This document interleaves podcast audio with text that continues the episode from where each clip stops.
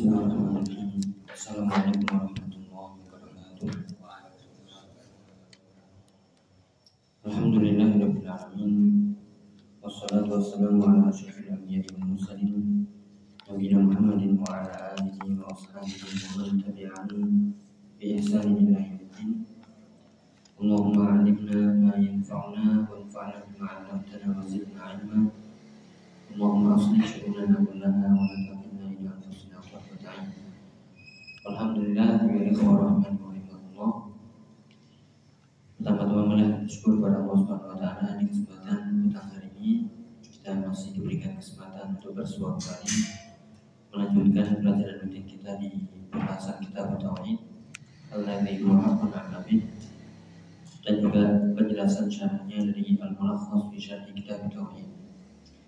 Dan insyaallah masih di bab yaitu minasyirki lubsul halqati wal khayti wa nahwihima li raf'il bala. Termasuk syirik adalah mengenakan atau memakai gelang-gelang, benang-benang atau yang sejenisnya dengan tujuan raf'ul bala yaitu mengangkat bencana, musibah atau mencegahnya.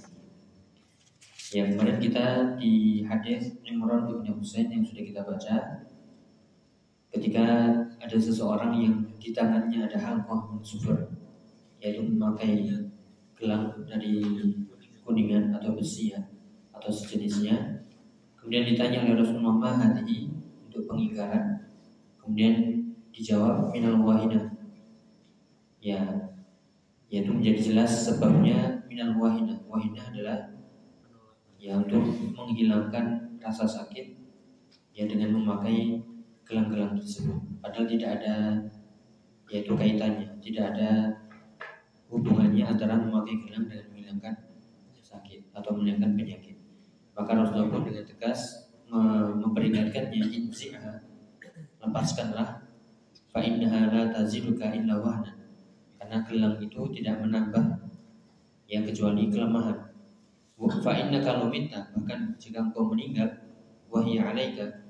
Dan gelang itu masih engkau pakai maaflah tak abadan engkau tidak akan pernah yang beruntung selamanya. Ya ini menunjukkan ketegasan beliau Sallallahu Alaihi Wasallam dalam pintu-pintu syirik ditutup serapat-rapatnya. Ya, kemudian yang sudah kita baca di munasabatul hadis yang terakhir ya wa annahu yadullu al man'i min lubsil halqah lidaf'il bala li'anna dzalika minasyirkil munafi lil falah yaitu keterkaitan hadis ini dengan bab termasuk syirik memakai gelang, benang dan sejenisnya. Kenapa? Karena di hadis itu sendiri ter terdapat larangan. Apakah di situ Rasul, Rasul melarang? Ya, mana yang menunjukkan melarang? Ya, inzi'ah, lepaskan. Itu menunjukkan nggak boleh. Ya, kalau seandainya hal itu diperbolehkan, Rasulullah berdiam-diam saja membenarkan. Tapi inzi'ah bahkan diancam dengan maaflah tak abadan. Ya, sehingga memakai gelang, benang dan sejenisnya ya maka dengan tujuannya dengan tujuan lidah bala yaitu mencegah musibah atau mengangkatnya maka ini bagian dari syirik yang menafikan falah. Apa itu falah? Ya kemenangan mendapatkan sesuatu yang paling kita dambakan dan selamat dari sesuatu yang paling kita ya takutkan. Ya, ma yustafadu minal hadis kita baca apa faedah dari hadis ini nomor satu silakan. Ma yustafadu minal hadis anna libasa anna lubsa anna lubsa lubsa huh? lubsa lubsa ya. Hal hal qadi wa ghayruha lil isoni biha minal amro minal maroti. Amroni. Amroti minasyirki ya. Nah, kita sudah belajar anna ya. Anna itu teman-temannya? Inna. Berarti me, apa? Me, ya menasobkan isim setelahnya. Sehingga bacanya anna lubsa. Ya karena terus kita latih ya nggak e, apa-apa. Yaitu salahnya ini lu bahasa ya lu bahasa lu bisa lu bisa atau tidak. Bukan ya. Yaitu anna lubsa. Ya, lubsa itu master dari kata la, la bisa yalbasu. Ya, la bisa yalbasu artinya memakai.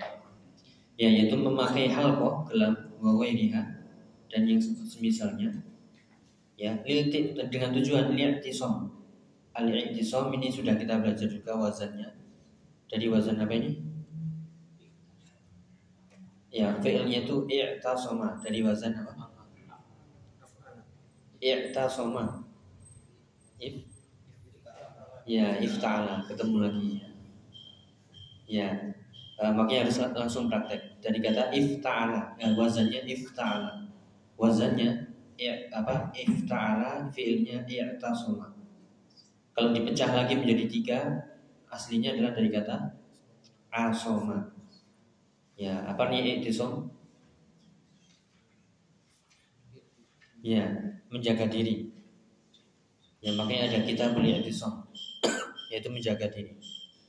Ya menjaga diri uh, pihak dengan benda-benda itu minal amrod dari ya amrod jamak dari marodun ya maka hal itu termasuk minasyirki termasuk bagian kesyirikan.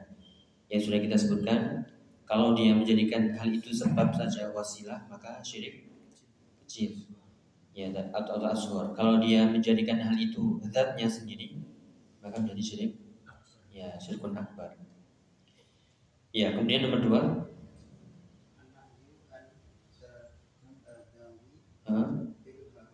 Ya, an-nahyu ini apa artinya? Nahyun, nahyun.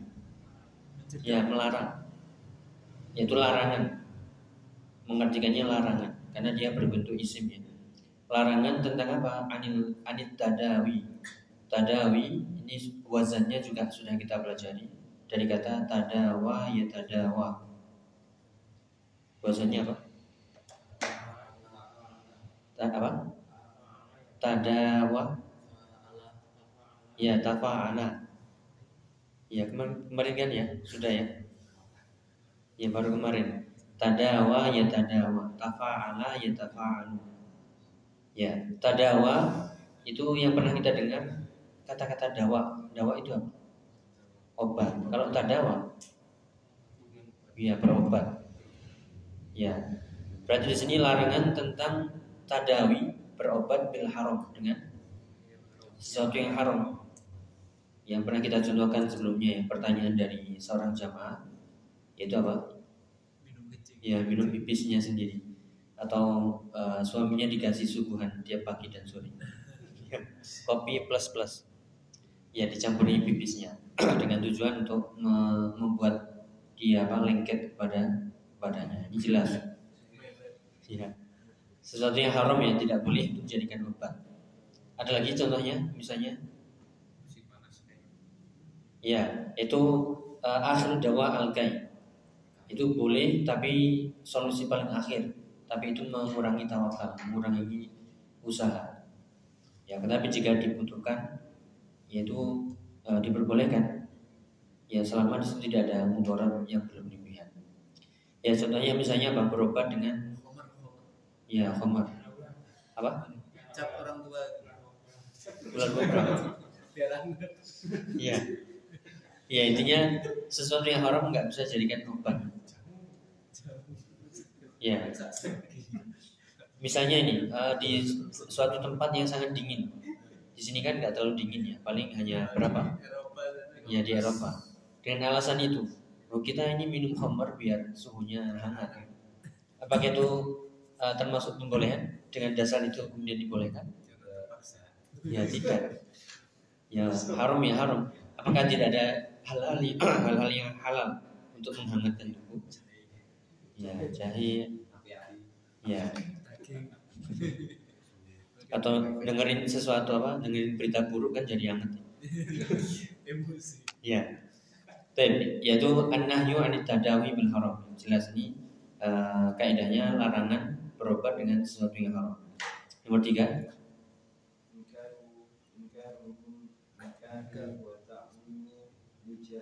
Ya al jahili. Itu susunan idofah ya. Inkarul munkari wa ta'limul jahili. Ya inkar dari kata ankaro yunkiru. Bahasanya ya af af'ala af'ala yuf'il if'ala yaitu mengingkari kemungkaran dan Juga ada ta'limul jahil. Apa ta'lim? pengertian Ya dari allama yu'allimu. pembelajaran Ya, pembelajaran. Jadi harus diajari. Selain diingkari kemungkarannya juga ajari yang benar. Ya mungkin kadang kita ya apa bisanya menyalahkan tapi nggak bisa membenarkan atau bisanya memfonis tapi yang benar bagaimana ya nggak tahu. Ya maka di sini diimbangi ingkar mungkar. Nabi mencontohkan langsung. Yaitu diingkari kemungkaran yang dilihat ya oleh beliau Sallallahu Alaihi Wasallam dan juga mengajarkan. Ini tidak boleh dilarang. Bahkan di- diberikan penjes- apa penjelasan. Ya berarti orang yang jahil harus di ya dibina bukan dibinasakan. Ya. Nomor empat silakan.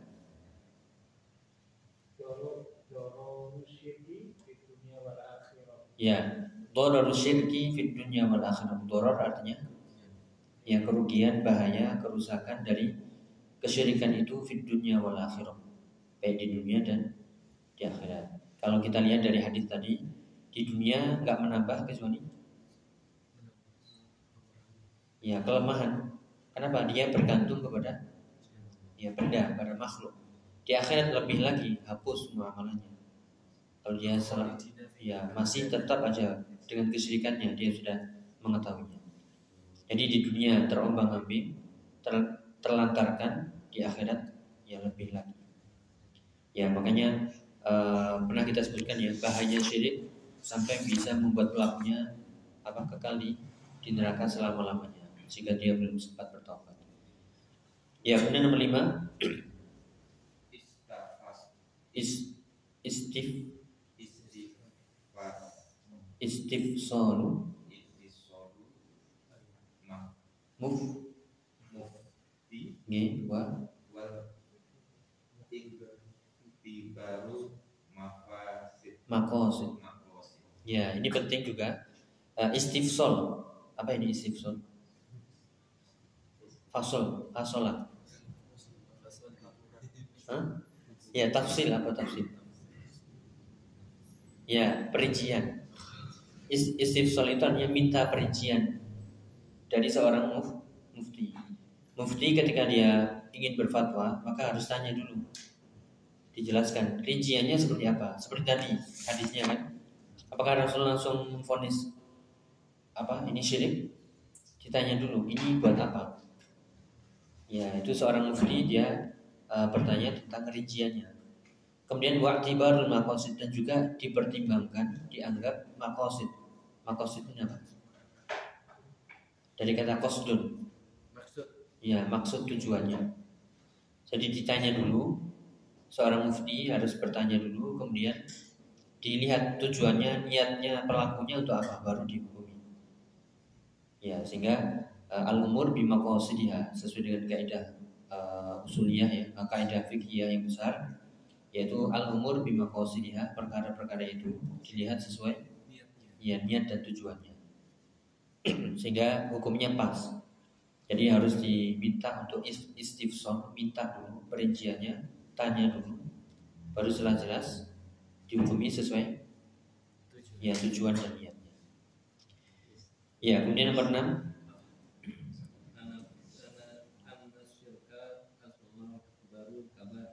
Ya, kita sudah belajar ya an nasyirkal asghara itu susunan eh, apa? An nasyirkal asghara akbarul kabair. Eh, sifat mausuf di situ kan ada anna ya. Anna itu temannya inna ada isimnya. Khabarnya mana? Ak, ya akbaru. Ya, ini biar kita terlatih ya. Anna syirka al asghara itu sifatnya mausufnya kemudian khabarnya akbarul kabair. Kalau kita artikan bahwasanya syirik asghar itu termasuk syirik asghar itu termasuk ya dosa-dosa besar yang paling besar. Akbar itu menunjukkan paling yang ter ya berarti syirik asghar itu termasuk dosa besar yang terbesar. Ya apalagi syirik akbar lebih besar lagi. Kenapa termasuk dosa besar yang paling besar? Ya karena inna syirka la zulm azim. Di situ tidak dirinci di, di apa namanya ditakmimkan bahwasanya setiap kesyirikan itu termasuk kedoliman. Ya karena sudah tidak menempatkan sesuatu pada tempatnya. Karena yang seharusnya ditujukan kepada Allah, minta wajah Allah ini malah meminta wajah makhluknya selainnya. Atau yang seharusnya bergantung kepada Allah malah bergantung kepada ya selainnya. Apalagi menjadikan benda-benda yang tidak memberikan manfaat dengan sendirinya atau memberikan mudarat dijadikan gantungan. Ya, sesuatu yang uh, tidak bisa dicerna, tidak bisa diterima baik secara dalil ataupun secara ya akal. Yang nomor tujuh ini hati-hati silakan.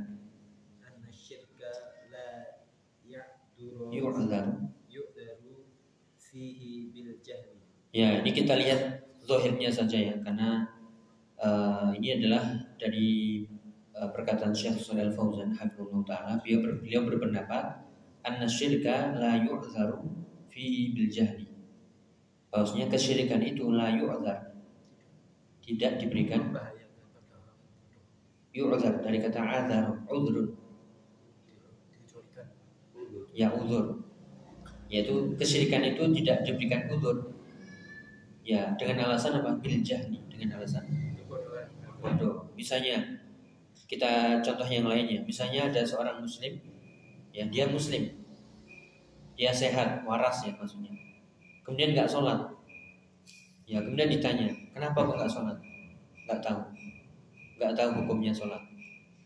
Mungkin diterima alasannya. Saya saya bodoh nggak tahu apa nggak tahu hukumnya sholat, jadi saya nggak sholat. Mungkin diterima? Ya.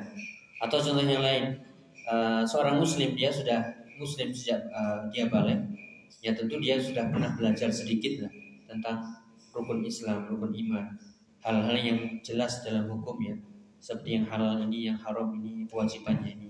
Kemudian ketika ditanya misalnya, kok minum khamar? Ya alasannya apa? Saya nggak tahu hukumnya khamar itu haram. Bisa diterima?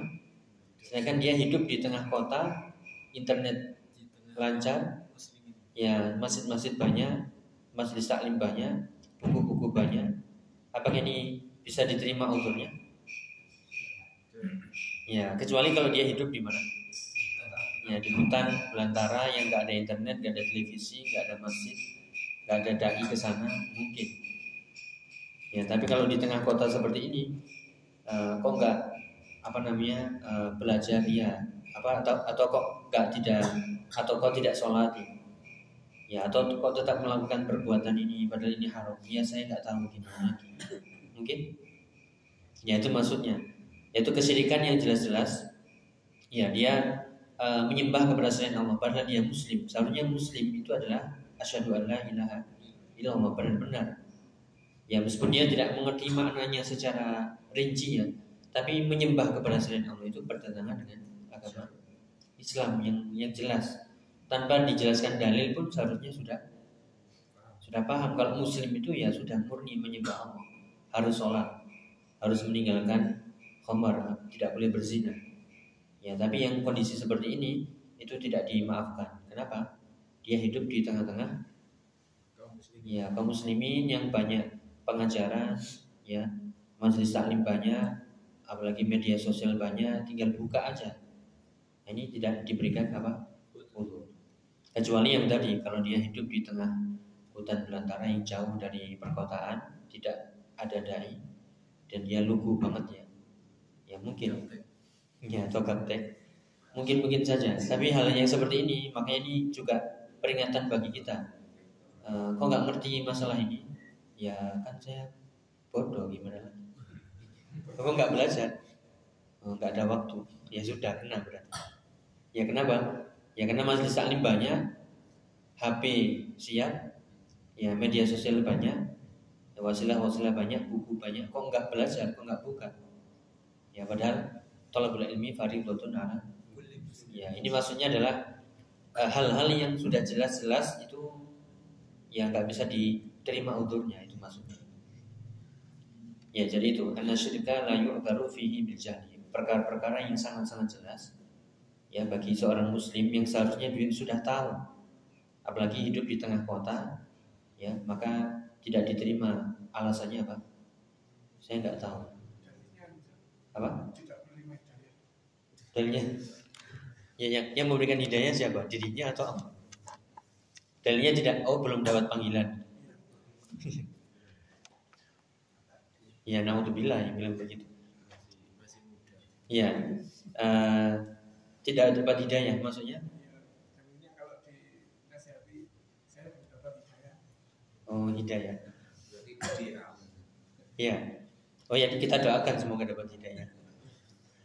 Ya, jadi eh, alasannya belum dapat hidayah. Stop gitu, gitu aja. Ya, em, pernah ditanya maksudnya apa ini maksudnya? Belum dapat hidayah maksudnya? Iya, ini sebagai alasan atau atau ngeles saja ya. Karena eh, seorang muslim tadi yang kita ulangi eh, kewajibannya jelas harus mempelajari hal-hal yang menjadi kewajibannya sholat minimal harus tahu. Hal yang haram yang sudah jelas-jelas haram. Khamar, zina, mencuri, membunuh. Kalau hal yang syubhat mungkin tidak tahu. Ya itu mungkin. Tapi hal-hal yang jelas-jelas haram seperti antara hitam dan putih. Kok nggak tahu? Ini sesuatu yang ya padahal dia ilmu dunia. Ya paham. Sepaham pahamnya masalah bisnis sangat paham tapi masalah agama kok nul betul nanti nggak diterima apa uzurnya. Dengan alasan tidak tahu atau uh, belum dapat hidayah. Kenapa urusan dunia kok nggak bilang saya belum dapat hidayah? Ya jadi uh, tidak bisa dibenarkannya. Ini itu kita bahas seperti itu. Jadi perkara-perkara yang sudah sangat-sangat jelas, kemudian alasannya kok jahil, saya bodoh, saya nggak tahu, nggak bisa diterima. Taib yang ke delapan.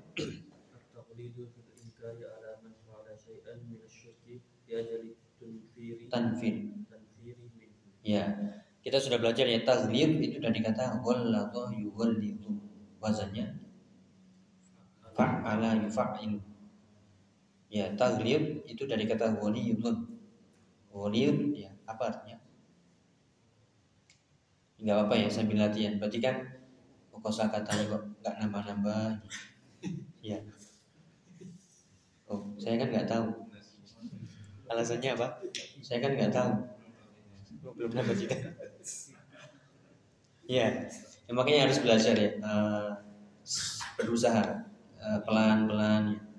dan ini alasannya saya kan nggak tahu. Bisa diterima? Ya padahal waktu banyak ya 24 jam. Sama-sama makan nasi juga. Ya jadi at-taghlib eh, itu dari kata gulib yang artinya ini kita jelaskan dulu ya. Kan ini bagi yang sudah belajar. Kalau yang belum belajar ya memang nggak tahu. Taglib itu dari kata ghalladha yughallidu ya fiilnya eh, dari kata ghalib artinya adalah tebal secara secara bahasa. Ya misalnya jilduka ghalidun apa? Kulitmu ghalid tebal. Ya. Atau ini uh, golif uh, gilafuhu ghalidun gilaf apa ini? Covernya sampulnya tebal. Ya kalau lawannya golif uh, tipis bahasa Arabnya khafif ya. Khafif yaitu tipis atau ringan. Ya jadi taglid itu tebal. Maksudnya di sini adalah uh, at-taghlidu fil inkar maksudnya apa? Menekankan dalam urusan pengingkaran. Jadi mengingkari sesuatu kadang butuh tegas maksudnya, butuh tegas dan ditekan. Ya tidak lembek begitu dalam mengingkari sebuah kemungkaran. Ya, ini bisa diterapkan di kondisi-kondisi tertentu. Seperti Nabi di sini tegas yaitu ghulir. Langsung diminta ya lepas ya. segera. Kapan? Se- Sekarang. Ya, dilepaskan sekarang. Makanya itu namanya tazlid. Tazlid itu tebal maksudnya tegas ya seketika itu juga dalam mengingkari dalam mengingkari kemungkaran. Kepada siapa ala man fa'ala syai'an minasyirki terutama kepada orang yang berbuat ya berbuat ya sesuatu dari kesyirikan. Baik itu syirik kecil ataupun syirik asghar. Li ajli tanfir minhu. Tujuannya li ajli tanfir. Dari kata nafaro yunafiru. Ya, pernah dengar nafar yunafiru? Eh, nafar. Nafar itu ainal mafar. Yaitu nafar artinya lari. Kalau ini tanfir membuat lari. Artinya apa? Tujuannya diingatkan dengan keras biar dia menghindar darinya sejauh-jauhnya ya kata-kata tanfir ini digunakan eh, oleh orang-orang yang memusuhi sunnah ya ya diberikan gelar-gelar buruk tujuannya ditanfir minan nas tujuannya ya biar orang tidak mengenal manhaj yang hak atau menjauh. Kenapa? Sudah dilabeli dengan ya Wahabi atau radikalisme dan lain sebagainya. Ya, tetapi Islam ya ketika ditekan justru akan semakin ya seperti dalam kaidah idza dhaqal amru ittasa. Jadi jika perkaranya ditekan maka akan timbul kemudahan-kemudahan dan itu sudah janji Allah. ya di sini berarti kesimpulannya adalah mengingkari, mengingkari kemungkaran ya apalagi dia punya yad sebagaimana yang pernah kita sebutkan man ramin kumun karun fal biyadi dia punya apa Kekuatan. ya kekuatan maka yang tegas kalau apa ingkari kalau negur. Ya terus powernya buat apa? Buat on off gitu. Ya ini bagi orang yang memiliki power kekuatan dia punya jabatan penguasa di atas maka dia boleh menggunakan powernya. Ya itu udah resiko. Ya karena jabatan itu sementara tidak selamanya. Ya kemudian eh, kalau dia punya lisan ya dinasihati dengan tadi yang kemarin kita baca ayatnya Ud'u ila sabili rabbika bil hikmati wal mau'izatil hasanah. Ya dengan cara yang terbaik. Ya kemudian kalau tidak mampu ya sudah dengan hati. Itulah selama lamanya iman. Ya tinggal kita memposisikan diri. Kapan saatnya keras saatnya tegas saatnya lembut ya itu butuh tajribah butuh pengalaman butuh hikmah. Ya itu ya yang bisa kita bahas di uh, ma yustafadu minal hadis dari hadis Imran bin Husain Uh, yang intinya jelas sekali Rasulullah melarang memakai ya gelang-gelang, benang-benang dan yang semisalnya tujuannya untuk menghilangkan penyakit, musibah padahal itu tidak ada kaitannya sama sekali dengan penyembuhan. Ya. Mungkin ada yang ditanyakan sebelum lanjut ke hadis berikutnya. Ya, kita lanjut ya. Eh, ada hadis, hadis lagi dari Uqbah bin Amir. Silakan dibaca. Walahu an Uqbah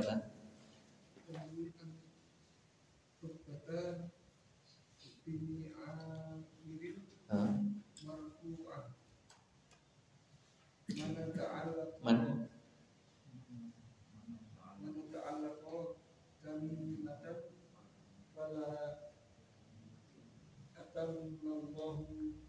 ya waman Wa man ta'allaqa Wada'atan Fala Wada'allahu lahu. Ya terus wa fi riwayatin Fi riwayati Man ta'allaqa tamimatan Faqad asyraka. Ya di situ hadisnya dari uh, Musnad Ahmad ya dan seterusnya yang sudah disebutkan. Ya walahu an Uqbata ibni Amirin marfu'an ya. Dan tentang hadis ini atau tentang bab ini ada juga disebutkan dari sahabat Uqbah bin Amir secara marfu. Apa itu marfu? Marfu mansub majrur. Bukan. Ya langsung nyampe ke ke ucapan Rasulullah. Artinya nyambung ke Rasulullah. Inilah perlunya kita belajar istilah ya. Setiap di kulli fannin musola setiap ilmu cabang. eh, itu ada istilahnya tersendiri ya nanti kalau kita nggak mempelajari oh, kok marfu? Ini apa ya? Padahal ini mansub kan ini fathah ya. Kok jadi marfu? Ya, jadi setiap cabang ilmu ada istilah. Ya, berarti ini sampai ke ucapan Rasul Rasulullah SAW, bukan hanya sekedar ucapan sahabat Uqbah bin bin Amir. Ya, man ta'allaqa tamimatan fala atamma fala atammallahu lahu. Ini sudah kita pelajari ya, ta'allaqa wazannya tafa'ala yang kemarin ya. Tafa'ala yatafa'alu. Ya, dari kata alaqa. Ya, sekarang artinya ta'allaqa artinya ya menggantungkan. Ya mu'allaq itu artinya apa? Artinya tergantung. Ya seperti dalam hadis eh, warajulun qalbuhu mu'allaqun bil masajid. Tujuh golongan yang mendapatkan naungan di hari ya di hari mahsyar yang tidak ada naungan bisa naungan Allah yaitu seseorang yang hatinya mu'allaq. Ya tergantung dengan masjid. Ya selalu terpaut rindu dengan masjid. Nah di sini siapa yang me- apa menggantungkan tamimah? Ya apa itu tamimah ya kalau bahasa kita itu eh, mudahnya ya. Benda-benda pokoknya yang digantungkan entah itu jimat isinya apa? Ya bisa tulang bisa apa? Ya kalau di bahasa Arab sendiri tamimah itu artinya kalau di orang Arab ya yang digantung itu itu khorozat semacam eh, manik-manik tahu ya? Munte-munte ya munte-munte yang bisa diikat ya itu orang Arab biasanya dibuat kalung kemudian dikasihkan ke ke anaknya itu dibuat kalung munte ya. Tujuannya apa? Biar tidak kena air kalau di kita kan nggak munte yang digantungkan apa? Ya bawang apalagi Widi yang dibungkus itu apa ya? Ya raja-raja. Sama semisalnya. Karena tujuannya tetap biar mencegah ya itu yang digantung-gantung. Intinya apa? Siapa yang menggantungkan sesuatu dengan sesuatu yang bukan wasilah secara syar'i dan isi maka fala atamullahu lahu. Maka Allah tidak akan atamullah. Ya, atamma dari kata tamma itu bahasanya af'ala. Maka Allah tidak akan menyempurnakan urusan. Ya, seorang tadi kan ingin menggantungkan sesuatu tujuannya biar perkaranya itu mudah dengan menggantungkan ini misalnya. Ini saya gantungkan di balik pintu tujuannya biar ya urusannya mudah, dipermudah. Ternyata Allah balik. Ya, inilah eh, ada sebuah kaidah ya. Eh, apa namanya man ta'ajjala qabla awanihi hurima uh, hurima bi apa uqiba bi yaitu seseorang yang bersungguh yang terburu-buru yaitu ingin mendapatkan sesuatu maka Allah akan azab dengan ya dengan menghilangkannya dengan tidak mendapatkannya. Ya tujuannya kan pengen dapat apa kesembuhan pengen selamat dari musibah tapi berhubung dia terburu-buru ini bukan sebabnya. Akhirnya Allah balas dengan sebaliknya. Malah tambah sakit malah tambah sering kena musibah nah, kalau Allah tidak menyelamatkannya dia malah semakin menjadi-jadi oh mungkin dukunnya kurang sakti atau bayarnya kurang ganti pakai jimat yang lebih. Dan begitu seterusnya nggak akan pernah sempurna urusannya. Ya kalaupun pernah sempurna itu adalah ujian. Ya seperti kita sebutkan sebelumnya uh, seorang yang memberikan minuman dicampuri dengan bibisnya alhamdulillah ternyata benar-benar suaminya ya lengket urut itu bukan mandi tapi musibah istidraj ya. Bukan mujarrab. Ini uh, hukumannya adalah uh, al jaza min jinsil amal juga. Karena dia telah melakukan perbuatan menjauh dari Allah maka Allah pun akan menjauh membalasnya. Ya maka fala atau ini kalau kita pahami ya sudah kita nggak akan bergantung pada benda-benda. Semakin kita bergantung maka semakin urusannya ya cerai-berai kacau sudah. Ya eh, pasti pernah ya kita ya eh, berkeyakinan us ini apa bisa mendatangkan apa? Rezeki apa eh, untung-untungan ya atau sebagai penglaris ya kalau pedagang disingkep ya. Ya ini ya eh, akidah ini sangat penting. Kemudian waman ta'allaqa wada'atan fala wada'allahu lahu ya siapa yang menggantungkan wada'ah wada'ah itu kalau di orang Arab yaitu seperti kerang ya. Kerang. Benda laut. Kerang kerang. Apa? Ya tujuannya apa? Ditaruh biar tenang. Maka balasannya fala wada Allah maka Allah tidak akan memberikan ketenangan. Ya jadi kalau kita bisa simpulkan di sini siapa yang ingin menggantung eh, siapa yang membuat jimat-jimat tujuannya adalah biar urusannya sempurna malah sebaliknya tidak akan pernah sempurna. Siapa yang menggantungkan jimat-jimat tujuannya biar tenang malah tidak akan tenang selama ya maka eh, itu adalah contoh bentuk eh, jimat-jimat orang Arab ya. namanya tamimah sama wadaah. Kalau di kita ya beda lagi. Tapi tujuannya sama Sa- sama. Sehingga Allah tidak akan menyempurnakan urusannya dan tidak akan memberikan ketenangan. Wa fi riwayatin dalam riwayat yang lain man ta'allaqa tamimatan faqad asyraka siapa yang menggantungkan jimat-jimat maka dia telah berbuat syirik ya tinggal kita merinci. Syirik apa ini kira-kira?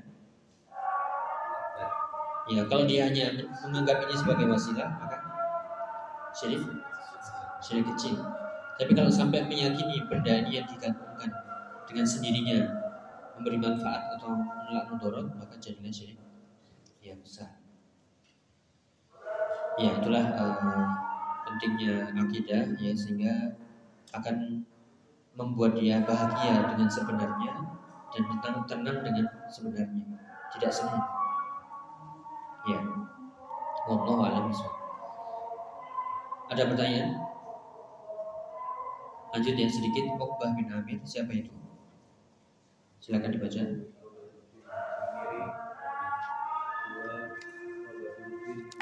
Uqbah ibnu Uqbatu binun amiri binu amiri al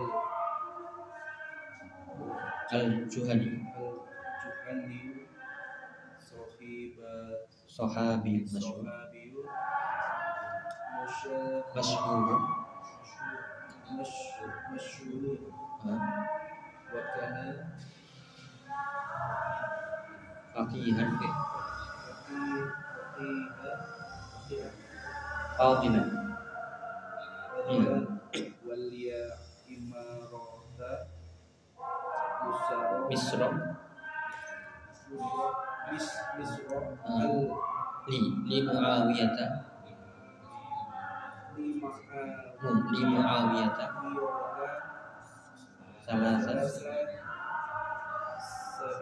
sinina Sabina ha? Sinina Wamata Wamata qoriban Qoriba Min min. Min. Al. Minas sittin ya. Ya tetap semangat ya ini naik terjal yang penting kita dorong dari bawah. Ya jadi apa? Uqbah bin Amir ini adalah namanya Uqbah bin Amir al Juhani sahabi masyhur. Seorang sahabat yang terkenal. Tapi kita nggak kenal saya. Ya wakana faqihan fadilah beliau seorang yang faqih dan fadil punya keutamaan. Sehingga ditunjuklah menjadi wali untuk mengurusi Misr. Misr apa? Pada zaman Muawiyah selama salah sini selama tiga tahun. Kemudian wama takoriban minasitin dan beliau wafat yaitu di tahun-tahun 60 Hijriah mendekati 60 Hijriah. ya, eh, saya baca dikit ya walahu ai maksudnya rawan Imam Ahmad. Nah, kalau tadi kan hadisnya riwayat, riwayat Imam Ahmad ya Eh, pada riwayat Imam Ahmad juga ada hadis yang dibawakan oleh Uqbah bin Amir jadi lalat berarti ya karena hadis sebelumnya itu riwayat Ahmad dan di riwayat Ahmad juga ada hadis Uqbah bin bin Amin. Jadi hadis Imran bin Husain itu riwayat Ahmad. Dan juga hadis Uqbah bin Amin juga riwayat Ahmad. Jadi silakan dibaca Ta'ala Mutamina. Awala Mutamina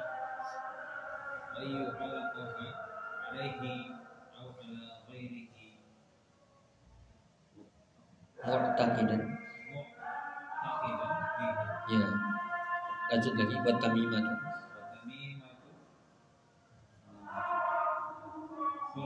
hmm, khorozatun nah,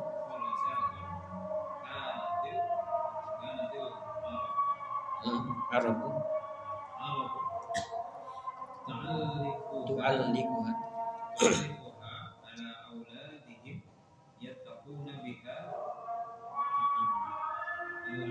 al-aina. Ya berarti artinya ta'ala tamimatan ai itu artinya ai tafsirnya. Maksudnya adalah allaqaha alaihi au ala ghairihi mu'taqidan biha. Jadi yang dimaksud menggantungkan jimat ini ya pelakunya juga ya yang digantungkan pada dirinya sendiri atau menggantungkan pada orang lain. Misalnya ini jimatnya saya pakai sendiri boleh? Tidak boleh. Jimatnya saya kasih orang lain? Sama, tidak boleh. Maksudnya itu. Mau digantungkan untuk dirinya sendiri atau untuk orang lain dengan keyakinan hal itu bisa mendatangkan manfaat atau mencegah mudarat, maka ini sama saja.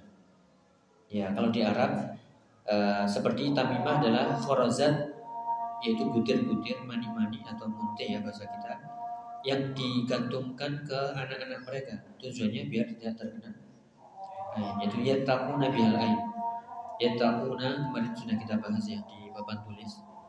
Dari kata ittaqo. Ittaqo yattaquna. Ya yattaquna bihal air tujuannya mereka biar ter- tidak terkena. Berarti tujuannya biar selamat dari apa? Ya mudarat ya. Tapi itu yang dimaksud dengan tamimah bahasa kita ya jimat-jimat entah dengan model bentuk jimat apa pun. Ya kalau tujuannya biar selamat dari mudarat musibah atau mencegahnya atau menghilangkannya maka masuklah dalam hukum tamimah sehingga Allah tidak akan menyempurnakan urusannya. Tapi Allah alam mungkin itu yang bisa kita bahas.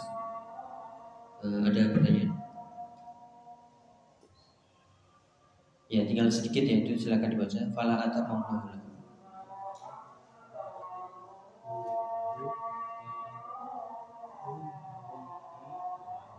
Bi Allah